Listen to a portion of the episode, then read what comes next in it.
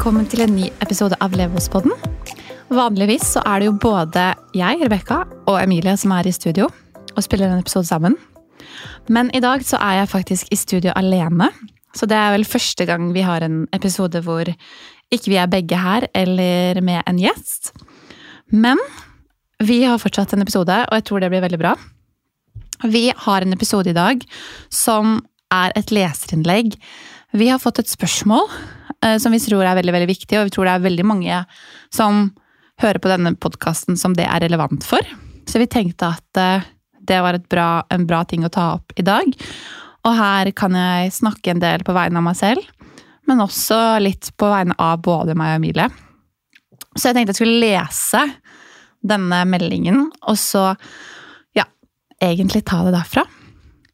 Så er det veldig hyggelig da når vi får meldinger fra dere. Det må dere bare fortsette å gjøre. Og send gjerne inn spørsmål, refleksjoner og tanker, og bare tilbakemeldinger generelt er veldig, veldig, veldig fint. Så det står Hei, Emilie og Rebekka. Først og fremst må jeg si at jeg er stor fan av podkasten deres. Tusen takk. Det er veldig, veldig hyggelig. Har lært masse av dere, og jeg gleder meg alltid til å høre når dere slipper en ny episode. Jeg ble inspirert av episoden hvor dere snakket om å nå målene sine, og jeg har nå tenkt å starte opp en podkast om det å være ung i arbeidslivet, møte mellom ung og voksen og diverse tilknyttet karriere. Jeg lurer derfor på hvordan dere gikk fram når dere startet opp. Gjorde dere noen markedsundersøkelser først? Kjøpte dere eget utstyr, eller spiller dere inn i studio? Har dere noen andre tips i oppstartsfasen med tanke på markedsføring? Håper å høre fra dere. For det første er det jo sykt kult at noen har lyst til å starte opp enten om det er egen podkast eller et egen bedrift. Og det er jo veldig mange veier til rom, holdt jeg på å si, når man skal starte opp noe. Eh, det her er jo et spørsmål som egentlig innebærer det med podkast, men jeg har lyst til å vinkle det litt, sånn at vi snakker om det både med podkast, men også det å være ung i arbeidslivet. Og hvordan man liksom skal ja, starte noe selv. Det, være, det er forskjellen med det å være ung og voksen, og hvordan man liksom skal approache en karriere. Fordi det er jo noe som er felles for alle når man er ferdig å studere, eller om man skal gjøre et lite karriereskifte. Så er det veldig mange ting man skal eh, kanskje må finne ut av. For noen så faller jo disse tingene kanskje på plass litt mer sånn naturlig, men for andre så, så må man kanskje gå noen runder. Eh, jeg tror også det er veldig vanlig at man i løpet av karrieren sin, hvis man allerede har starta en karriere, stiller noen spørsmål til om man er på riktig vei, er det her man vil være, og hvordan på en måte livet blir forma rundt det. da. Så For det første så tenker jo jeg at vi skal svare på spørsmålet her om det å starte en podkast. Det er faktisk ikke første gang vi har fått det spørsmålet. Vi har hatt en Levels Consulting-time, blant annet, hvor en av de vi hadde en time med skulle starte podkast, og vi gikk opp liksom alt man må tenke på i forhold til det å starte en podkast. Så det er jo stort, eh, en, en stor ting å gjøre i seg selv, det å kunne altså starte en podkast når man konkurrerer med veldig mye som er der ute allerede. Det var jo litt det vi var i også. At ok, hva skal vi gjøre som er for det første nisjete nok? Passer det inn? Er det nok podkaster som snakker om det fra før av? Så jeg tror litt av det med å starte podkast handler om det å finne seg en nisje, eller finne seg noe som er på en måte spesifikt nok til at du treffer en målgruppe, men er bredt nok til å lage mange nok episoder. Så i Levelspotten da, for eksempel, så var jeg og Emilie veldig opptatt av at vi skal snakke om det med å bygge karriere, økonomi, investeringer, eiendomsflipping. Eh, og det å utvikle noe. Vi er jo entreprenører og gründere begge to. Eh, driver med masse forskjellige prosjekter, men også det å kunne balansere ting. Samtidig som vi eh, En del av motivasjonen vår har vært å være kreative og utvikle noe, men også ha fokus på økonomi og investering og jobbe lønnsomt. Så det er jo egentlig ganske bredt, men allikevel så føler vi at det, det, treffer en viss målgruppe. Så når man skal starte en podkast, så tror jeg det er veldig viktig å tenke på hva er det hva, altså sånn, hva er det folk kanskje De flere, flere vi hører på i flere omganger, at man kan klare å treffe en gruppe hvor det er flere ting som er relevant for de. Fordi starter man noe som er så bredt, så kanskje det er vanskelig å holde på lytterne sine. Vi ser jo ofte at de som starter podkast, f.eks., har en rød tråd i det. Det er litt sånn som når man bygger en historie, at det skal være flere episoder, og man kan bygge på det. Og jeg husker at en av de tingene som jeg og Emilie fikk beskjed om da når vi approacha managementet vårt, var at vi skulle kunne lage et konsept som skulle passe inn i et år. Podkast er et uh, slow media, som de kaller det. At det tar tid å bygge opp, rett og slett. Og det hjelper på en måte ikke å ha et konsept hvis du kun klarer å lage kanskje ti gode episoder, fordi det er vanskelig å få nok folk inn til å høre på de ti episodene Kanskje det går hvis man har et eh, altså sånn, man er et kjent fjes fra før av, hvor man naturlig har mange som følger deg og følger med på det du gjør. Men hvis man er, sånn som i vårt tilfelle, da, ikke nødvendigvis har det og skal begynne litt på scratch, så er det viktig at kan, man kan bygge et konsept som kan vare over tid. Fordi det tok, det tok jo liksom litt tid før, før podkasten vår vokste. I starten så var det et par hundre lyttere. Så ble det et par tusen. Og før man bikker liksom ja, 10 000 og mot 20 000 i måneden. da. Så det tar litt tid å bygge det opp, og nå har vi holdt på med denne podkasten i ett og et halvt år. Og vi har jo sponsorer her og der, men jeg tror at motivasjonen for, for vår del også er formidle informasjon. Podkasten er ikke nødvendigvis et sted vi tenker at her skal vi tjene penger. Målet vårt er også å formidle informasjon, og vi har konsept som vi uke etter uke brenner for, for å formidle. Så jeg tenker at Det er jo et veldig godt tips til alle som tenker at å, vi kan ha en podkast som dette. Eh, Klarer dere å holde på over tid, og har dere nok innhold? Og så er det jo selvfølgelig litt sånn at innhold blir jo litt til som podkasten eh, går. For vår del så har, har, vi ok, nå har vi noen eh, episoder med spørsmål som er veldig relevante, og vi ser at det er spørsmål som går igjen. Og vi tenker at hvis det er aktuelt for noen, så er det kanskje aktuelt for flere. Og det ser vi f.eks. på dette spørsmålet med podkast. Så det å på en måte finne seg et marked som man kan eh, rette seg mot, eller en, en um, aldersgruppe eller en viss type mennesker som tenker at ok, det her er denne podkasten veldig relevant for, og da er det jo veldig fint at man kanskje at det er veldig relevant for en selv. da. Jeg tenker For min del så hadde det vært kanskje vanskelig å starte en podkast om gaming, fordi jeg har ikke noe innsikt i det, og det appellerer nødvendigvis ikke så veldig til meg, selv om jeg sikkert er veldig mange podkaster der ute eh, som, kan, som tar for seg gaming. Men det hadde ikke nødvendigvis vært det jeg hadde vært best på å snakke om eller det jeg skulle gjort. Så noen ganger så kan det jo være et altså sånn supergod idé. For eksempel gaming er jo veldig hot, og det er noen som burde ha podkaster om det, men jeg er nok ikke riktig person til å gjøre det. Og det tror jeg er liksom sånne ting man burde spørre seg selv om, da, når man, eh, når man eh, skal lage en podkast, hvis, hvis man vurderer det. Det andre er jo liksom Jeg lurer litt på hvordan dere gikk frem når dere startet opp. Eh, og jeg og Jamila har jo tappa inn på det her flere ganger i forhold til hvordan er det vi starter ting når vi først går i gang. For vår del så er det alltid litt Det starter litt som en samtale. Vi drømmer veldig stort. Eh, mye. Og så snakker vi egentlig. Og det kan komme når vi sitter i bilen, når vi sitter på kontoret. Det kommer litt sånn spontant. Det er ikke noe sånn at jeg og Miriam nødvendigvis setter oss ned og tenker at ok, nå skal vi sette oss ned og lage en plan eller finne ut av noe som kunne bli noe. Det bunner som regel i en eller annen idé eller en eller annen spin-off vi har på noe som eksisterer allerede, eller samtaler vi ofte har hatt. Og podkasten vår er et veldig godt eksempel.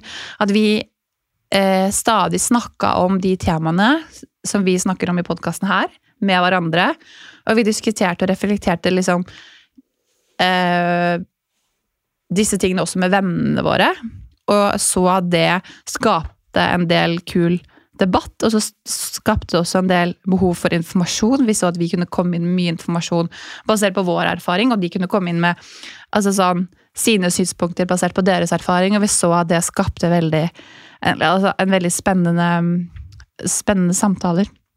Så for vår del så har det også vært litt tilfelle også når vi har starta bedrift, at uh, vi har snakka om ting, vi har sett muligheter. og Vi syns alltid det er veldig gøy å diskutere muligheter på ting. Eller oi, hadde det vært en morsom business? Eller hvis man gjør sånn. Og det var jo litt sånn som boligstyling eh, starta med. at vi tenkte sånn Det her er jo noe vi kan gjøre. Vi kan tjene så mye penger. Det her er gøy. Vi er gode på det.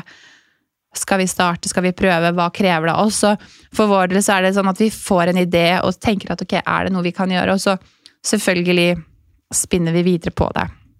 Og det er jo liksom litt videre i forhold til om dere gjorde noen markedsundersøkelse først.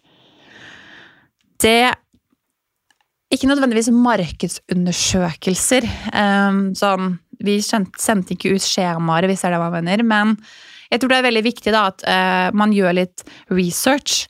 Og det gjorde vi både når vi skulle starte podkasten, jeg gjorde det når jeg skulle starte Backyard, og jeg og Emilie gjorde det når vi starta AER. Fordi det er litt viktig å se hva man konkurrerer i, eller hva eh, Ja, rett og slett konkurrerer mot, da, eller hvordan markedet er. Og der har vi jo hatt litt ulike utgangspunkter. Altså, Hvis det kommer til podkast, så eksisterer det jo en flust av podkaster. Det eksisterer mange podkaster eh, i dag, men det, er, det var Og det, ja, det er mange podkaster som også snakker om penger og økonomi eh, og det å være gründer, men vi følte at det var kanskje ikke noe som traff oss helt. Så vi tenkte ok, vi skal lage den postkassen vi selv ville hørt på. Så når vi starta podkast, så var det jo altså sånn, Du konkurrerer jo med alle andre podkaster og prøver å få et publikum der folk kanskje allerede har en del podkaster, så du må på en måte prøve å skape noe unikt. Så ja, vi gjorde jo en research på det, og så så vi at da, her er det et lite gap for oss til kanskje ta en markedsplass. Så i den forstand så gjorde vi litt undersøkelser, vi så jo liksom ok, hva er det de mest relevante podkastene som er tilnærmet like våre, snakker om hva er viktig. Så var det jo noen som kanskje var Vi har pengesnakk som fokuserer veldig mye mer på sparing. Eh, og hvordan man på en måte skal leve liksom smartere i hverdagen. Eh, du har ulike Du har Aksjepodden som snakker mye om aksjer, om investeringer. Du har ja, ulike podkaster som, som, tar for seg Du har Fredrik som driver Fire, eh, som snakker om eh, kommer vel etter oss, men allikevel snakker om det med eh, finansiell frihet, og på en måte har siktet seg inn på det. Så det finnes jo podkaster der ute som eh, tar for seg flere av de temaene vi gjør, men vi følte at det var noen flere som ikke måte gjorde det på den måten vi ville. Når det kommer til det med AR, når vi startet AR og liksom skulle bygge en karriere der, så var det veldig viktig for oss å gjøre en del research i forhold til prising, tid, logistikk, sånne ting. Det var veldig vanskelig å finne informasjon om det. Så vi kunne gå inn på ulike nettsider og se ok, her er det noen som driver med boligstyling. Eh, hva koster det? Og så så vi at det var en del sånn tilleggsting. Ekstra for det, ekstra for det. Og så sleit jeg og Emil med å på en måte skjønne hva er grunnlaget, hva er på en måte hva er det som gjør at dette koster det, og dette koster det, f.eks. Og hvor, hvor, mye er liksom break altså sånn, hva, hva sitter de igjen med på bunnlinja, da? For vi prøvde liksom å regne på det her. Så det var på en måte veldig viktig for oss at før vi skal gå inn i den businessen her, eller drive et selskap som jobber med boligsaling, så trenger vi å vite hva er det vi kan på en måte også tjene på det. Hvor mye tid krever det oss, og hva vil vi sitte igjen med? Fordi man skjønner jo i starten at når man starter et selskap, så går det, går det med en del timer som man aldri får tilbake. Du bygger deg opp noe. Men at vi skulle se at det kunne være bærekraftig på sikt. At når vi hadde da investert i møbler, satt opp et system som fungerte, så kunne vi tjene penger på det. Og det var veldig viktig for oss. Så jeg tror det å gjøre markedsundersøkelser der Det var ikke sånn markedsundersøkelse, men vi gjorde en del undersøkelser i markedet, rett og slett. Eh, det samme gjaldt når jeg startet Beckard, det første selskapet. Hvor det var ikke så veldig mye som eh, Det var ikke så veldig mange selskaper som drev med det akkurat da. Eller egentlig ingen. Eh, det var noen som gjorde litt sånn dekor for event, men det var det, og det var ganske vanskelig, for jeg var sånn, ok, hvordan skal man prise noe som ikke eksisterer? Eh, så måtte man jo se litt på liksom partnere, samarbeid, samarbeid Altså sånn bedrifter man samarbeider med. Man må se litt på bransjestandard. Og selv om det var ikke noen som drev med det eksakt det samme som jeg gjorde, så kunne jeg jo se på leverandører til typ samme selskaper. Hva var trimesprisen deres? Hva tok de i transport? Hvor mye tid brukte de på ting, og hvor mye kosta det? Og det er jo litt sånn vi har på en måte bygd opp et selskap eh, i en bransje som på en måte ikke hadde det tilbudet tidligere, da. Så her er det jo på en måte liksom tre ulike approach litt, eh, med litt ulik utgangspunkt, fordi man jobber i veldig ulike marked. Så jeg tenker at det er fint å gjøre markedsundersøkelser, og det er fint å forstå markedet. og Man er nesten avhengig av å kunne gjøre det. Jeg tror Hvis man gjør den researchen på forhånd, så står man mye mye bedre ut av det når man starter opp. Man på en måte kartlegger fallgruver, man kartlegger muligheter. Man lærer å prise seg kanskje litt bedre, fordi det er kanskje det vanskeligste hvis man ikke har jobba lenge i den samme bransjen. En ting er kanskje hvis man har jobba lenge som rørlegger, og så skal man begynne for seg selv, men så tror jeg også at da man vil få seg litt sånn overraskelse over hvor mange tilleggskostnader, admin-kostnader, skjulte kostnader som man ikke helt vet om som vanlig ansatt, f.eks. Eller eh, kostnader på hvor mye f.eks. regnskap vil koste, som man aldri har tenkt å liksom deale med før, men plutselig nå må man ha et forhold til da. Så jeg tror det er veldig viktig at eh, enten det er podkast eller en bedrift du starter, gjør research og finner ut av ting. Eh, personlig har jeg aldri jobba så veldig mye med markedsundersøkelser, men jeg vet at som student så har man en del prosjekt eller oppgaver hvor, hvor det å gjøre undersøkelser er en del av pensum. Og det finnes en del sider hvor man kan på en måte få folk til å følge ut skjema, og noen ganger så trenger man kanskje for Hvis man lager et produkt, så trenger man tilbakemeldinger, og sånn, så tenker jeg at det er jo helt en super vei å gå før man på en måte begynner å legge mye energi og, og tid i noe som kanskje Kanskje det er et marked, kanskje det, er, kanskje det ikke er et marked. Og se, se liksom hva er det forbrukerne trenger. Da. Så jeg vil jo absolutt tenke at markedsundersøkelser er et super, supergodt hjelpemiddel for å få innsikt. I forhold til om vi kjøpte eget utstyr eller spiller inn i studio, ehm, så er jo det veldig retta mot podkast, men igjen så har jeg lyst til å vinkle det litt så det er retta mot også bedrift. Når det kommer til podkast, så vurderte jeg og Emilie lenge å kjøpe inn utstyr. Eh, og spille inn selv. For vår del så var det én ekstra ting som vi merker at det er ikke vi gode nok på. Eh, vi kunne helt fint gjort det, sikkert. Det finnes masse mulig eh, utstyr som gjør at man kan få god lyd. Jeg vet at det er mange som også bruker telefon, men alle som hører på podkast, vet at det å ha god lyd er liksom key. Jeg har hørt på masse podkaster hvor man hører sånn skurrelyder i bakgrunnen, og det gjør at man ikke nesten klarer å høre på podkasten. Nå kan jeg bare snakke for meg selv. Men det å kunne ha et skikkelig godt utstyr og la, ha god lyd, uh, det er nok key når man gjør en podkast. Jeg og Emilia spiller inn i studiene hos Moderne Media, som er vårt management på podkast, så det er supergreit for oss. Her er det rigga, og vi kommer opp og trykker play. Så det eneste vi trenger å gjøre, er å snakke. Og det for vår del funker kjempebra. Det gjør at vi kan sette bort alt det administrative og klipping og lyd og publisering, fordi som dere vet, så har vi et par andre ting vi også holder på med. Og for vår del så hadde det tatt mer tid enn det hadde gitt oss. Så for, for vår del så syns vi det var helt supert å kunne ha, få muligheten til det. Så vi var veldig heldige da at vi fikk signa med et management som ville ha, ha podkasten vår og kjøpte konseptet. Og det var jo litt med at vi klarte å levere et konsept som, som de så var bærekraftig over tid, og som hadde en del godt innhold mente de. Eh, og vi fikk, eh, fikk, muligheten til å komme inn her og spille. Så hvis man har den muligheten, så, så um, anbefaler jeg jo det. Eh, jeg tror at man da også bygger, bygger et konsept som har altså som, som, har godt innhold også på forhånd, at man legger litt arbeid i det, tror jeg også legger til rette for om man kanskje kan booke et management eller få tilgang på studio litt lettere, da enn når man begynner selv. Og så er det noe med at kvaliteten da fra start også vil bli veldig bra. Så anbefaler det veldig. Og når det kommer inn til å kjøpe ut utstyr for bedrift, så har vi egentlig hele tiden gjort det. Vi har jobba oss gradvis oppover. Vi har kjøpt disse tingene som vi trenger. Så du må på en måte også bygge deg litt opp sakte, men sikkert. Det jeg og Emilie egentlig fant ut, var at når vi skulle begynne med boligstyling, så eide vi ikke en eneste ting. Ikke en eneste vase. Men vi bygde et selskap eh, basert på prosjektene vi hadde gjort. Privat og andre designprosjekter. Og så tenkte vi at ok, hvis vi får booka en boligstyling, og vi tjener i ja, ca. 28 000-30 000 på den, så vil det dekke det vi trenger for å kunne levere den jobben. Og det var litt sånn som vi opererte i starten, at eh, vi fikk den jobben, og så fakturerte vi ut summen, og det klarte å dekke alle kostnadene vi hadde i forhold til første jobb. Det vil si at neste jobb så gikk vi jo i null, eller vi kunne begynne å tjene på den jobben, da, fordi vi hadde gått i null første jobb, dekket alle kostnader ved, ved den ene jobben, og så eh, da kunne vi på en måte begynne å tjene penger på et møbelsett.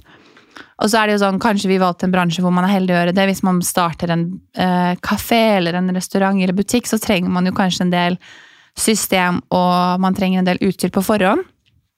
Men da vil jeg også si sånn Hva er det du må ha, og hva er det du vil ha? Eh, Det er veldig mange ting vi ville ha, som vi var bare sånn Det får være en ting som kommer seinere. Man vil ha ny Mac, man vil ha nye telefoner, man vil ha det fresheste kontoret med nye møbler. Men er det det som er det viktigste for å få bedriften opp og gå? Så må man jo spørre seg selv. Og det er jo det samme. Hva er det man, er det man på en måte må ha eh, for, å få, for, for, å få, ting til å gå rundt, og hva er det liksom som man kan adde etter hvert? Og hva er det man liksom Hva, hva koster det? Kost-nytte. Det er også liksom litt man må, må, må, vurdere. Driver man en salong, driver man med vipperubryn, så kanskje det er veldig viktig da, å investere i god, godt utstyr på forhånd og ta en investering der.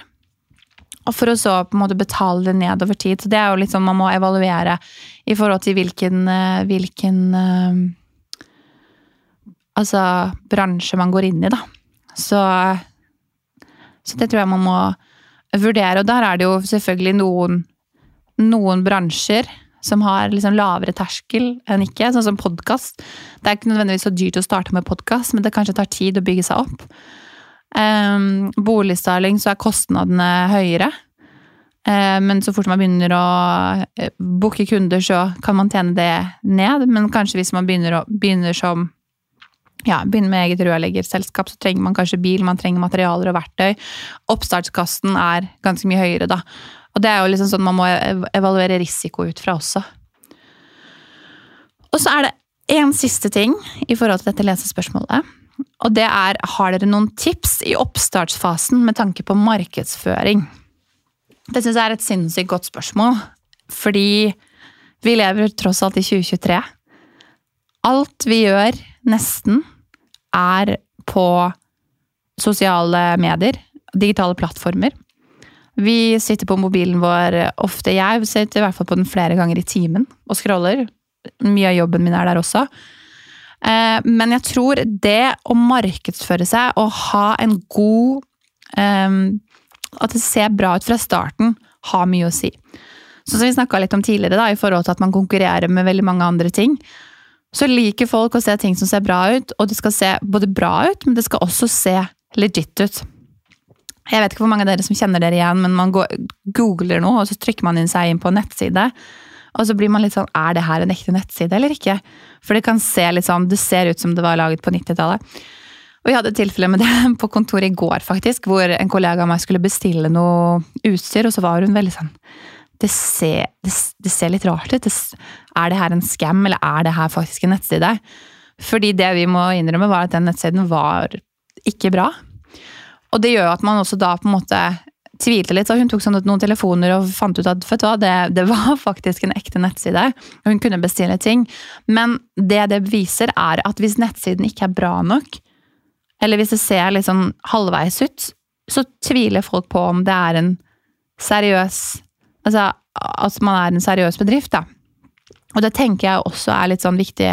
Nå vet jeg jo ikke helt hvilken plattform man nødvendigvis bruker. Noen, for noen er nettsider viktig, for noen, noen markedsfører kun på sosiale medier eller via Facebook. Noen har, eh, bruker TikTok mye. Men jeg tror at det er veldig viktig å, å vise eh, Ikke nødvendigvis at det er polert materiale, det vil jeg ikke si, men at det ser det, det er bra kvalitet på det, det er god oppløsning. At man setter seg litt inn i å, å la, jobbe med markedsføringen, rett og slett. For det er markedsføringen som vil mest sannsynlig booke kunder eller gi deg salg.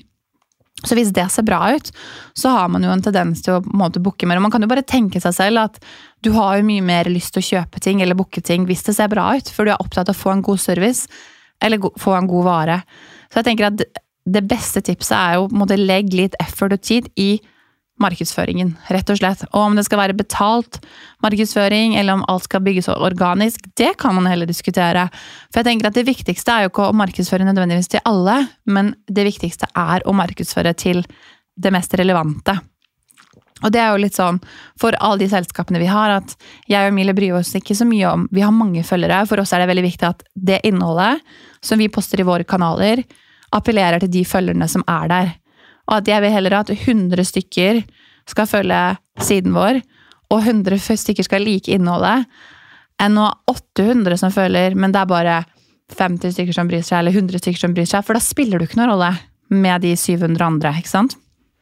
Og jeg tror det er veldig mange bedrifter, det er veldig mange byråer nå som spesialiserer seg på markedsføring, på reklame. Og det er veldig mange bedrifter og byråer som benytter seg av det. Så jeg tenker at her igjen, sammenlign deg litt med hva de andre gjør, og tenk at du skal bli bedre eller like god. Det var en ting jeg og Emilie gjorde når vi starta på boligstyling. At vi fant de vi syntes var best i bransjen, og tenker at vi skal bli bedre enn de. Fordi da putter man da, da legger man litt standard for seg selv, og man tar ikke takke no, med noe som er dårligere enn det. Og det har litt å si på hvordan du presenterer deg utad, hvordan folk oppfatter deg. Eh, så jeg tror det å fokusere på markedsføringen er lurt. Og jeg tror hvis man skal legge noe midler i noe, eller få litt hjelp av noe, så tror jeg markedsføring kan være en ting. Det er veldig, det er veldig overveldende. Det er mye, og man kan, kan, gjøre veldig mye. Så tror jeg det er viktig å ikke ta på seg Tenke at man skal klare alt, men kanskje velge seg noen ting, da. Og så kan man heller utvikle. Hvis det er veldig mange som er vant til å bruke TikTok, og er mye på TikTok, så kanskje det er riktig plattform å bruke. Men hvis det, TikTok er helt ukjent for en, og man ikke er der, man vet ikke helt hvordan det funker, så hadde det vært veldig altoppslukende og brukt mye tid og ressurser på en plattform man ikke har så kjennskap til. Hvis man da er mye mer på Instagram, så kanskje Instagram er det, den plattformen man heller skal fokusere på. Fordi du kjenner til den bedre, det er lettere å håndtere, og du, det appellerer til deg. Så få litt hjelp med markedsføring hvis man ikke er god på det selv, eller sett deg inn i hvordan man skal gjøre det. Det som er veldig fint, da, er at uh, i dag så finnes det veldig mange programmer og hjelpemidler som gjør at man kan bygge Altså, altså man kan basically sette opp en uh, profil veldig lett ved å bruke templates. Man kan bruke videoprogrammer, man kan bruke uh, filter, kollasjer, man kan ha automatisk at musikk blir lagt på, det kan være tekst. Du kan basically få brand manuals. Bare gjør noen Google-søk, og søk litt på nettet. Eh, pakker for Instagram, pakker for TikTok, eh, logo altså sånn. Man, sånn som det finnes i dag, så trenger man ikke gjøre alt på scratch. Man kan finne noe, så kan man gjøre det til sitt eget, og så kan man bruke det. Så det er jo et veldig veldig godt tips. da. Fokuser på markedsføringen, men ikke kompliser det for deg. Men gjør det så det ser, ser, og, ser proft ut og bra ut. For da tror jeg det blir mer troverdig. Nå har vi gått gjennom ganske mye i dag. Vi har snakka om eh, det å både starte, starte podkast og hvordan man skal starte um, bedrift, hva som er viktig å tenke på i forhold til markedsundersøkelser.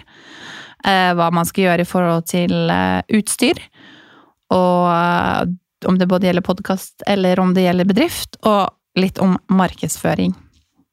Så jeg håper at det ga noen tips til alle som har lyst til å starte opp noe, enten om det er podkast eller, eller, en bedrift, og om var, om at det var noen gode tips her som er viktig å ta med seg og tenke på. Og så satser jeg på at eh, det blir både meg og Emilie i studio neste uke, og så håper jeg at, eh, at eh, dere koser dere med denne episoden, og at dere får en fin dag videre. Og så snakkes vi neste onsdag. Ha det!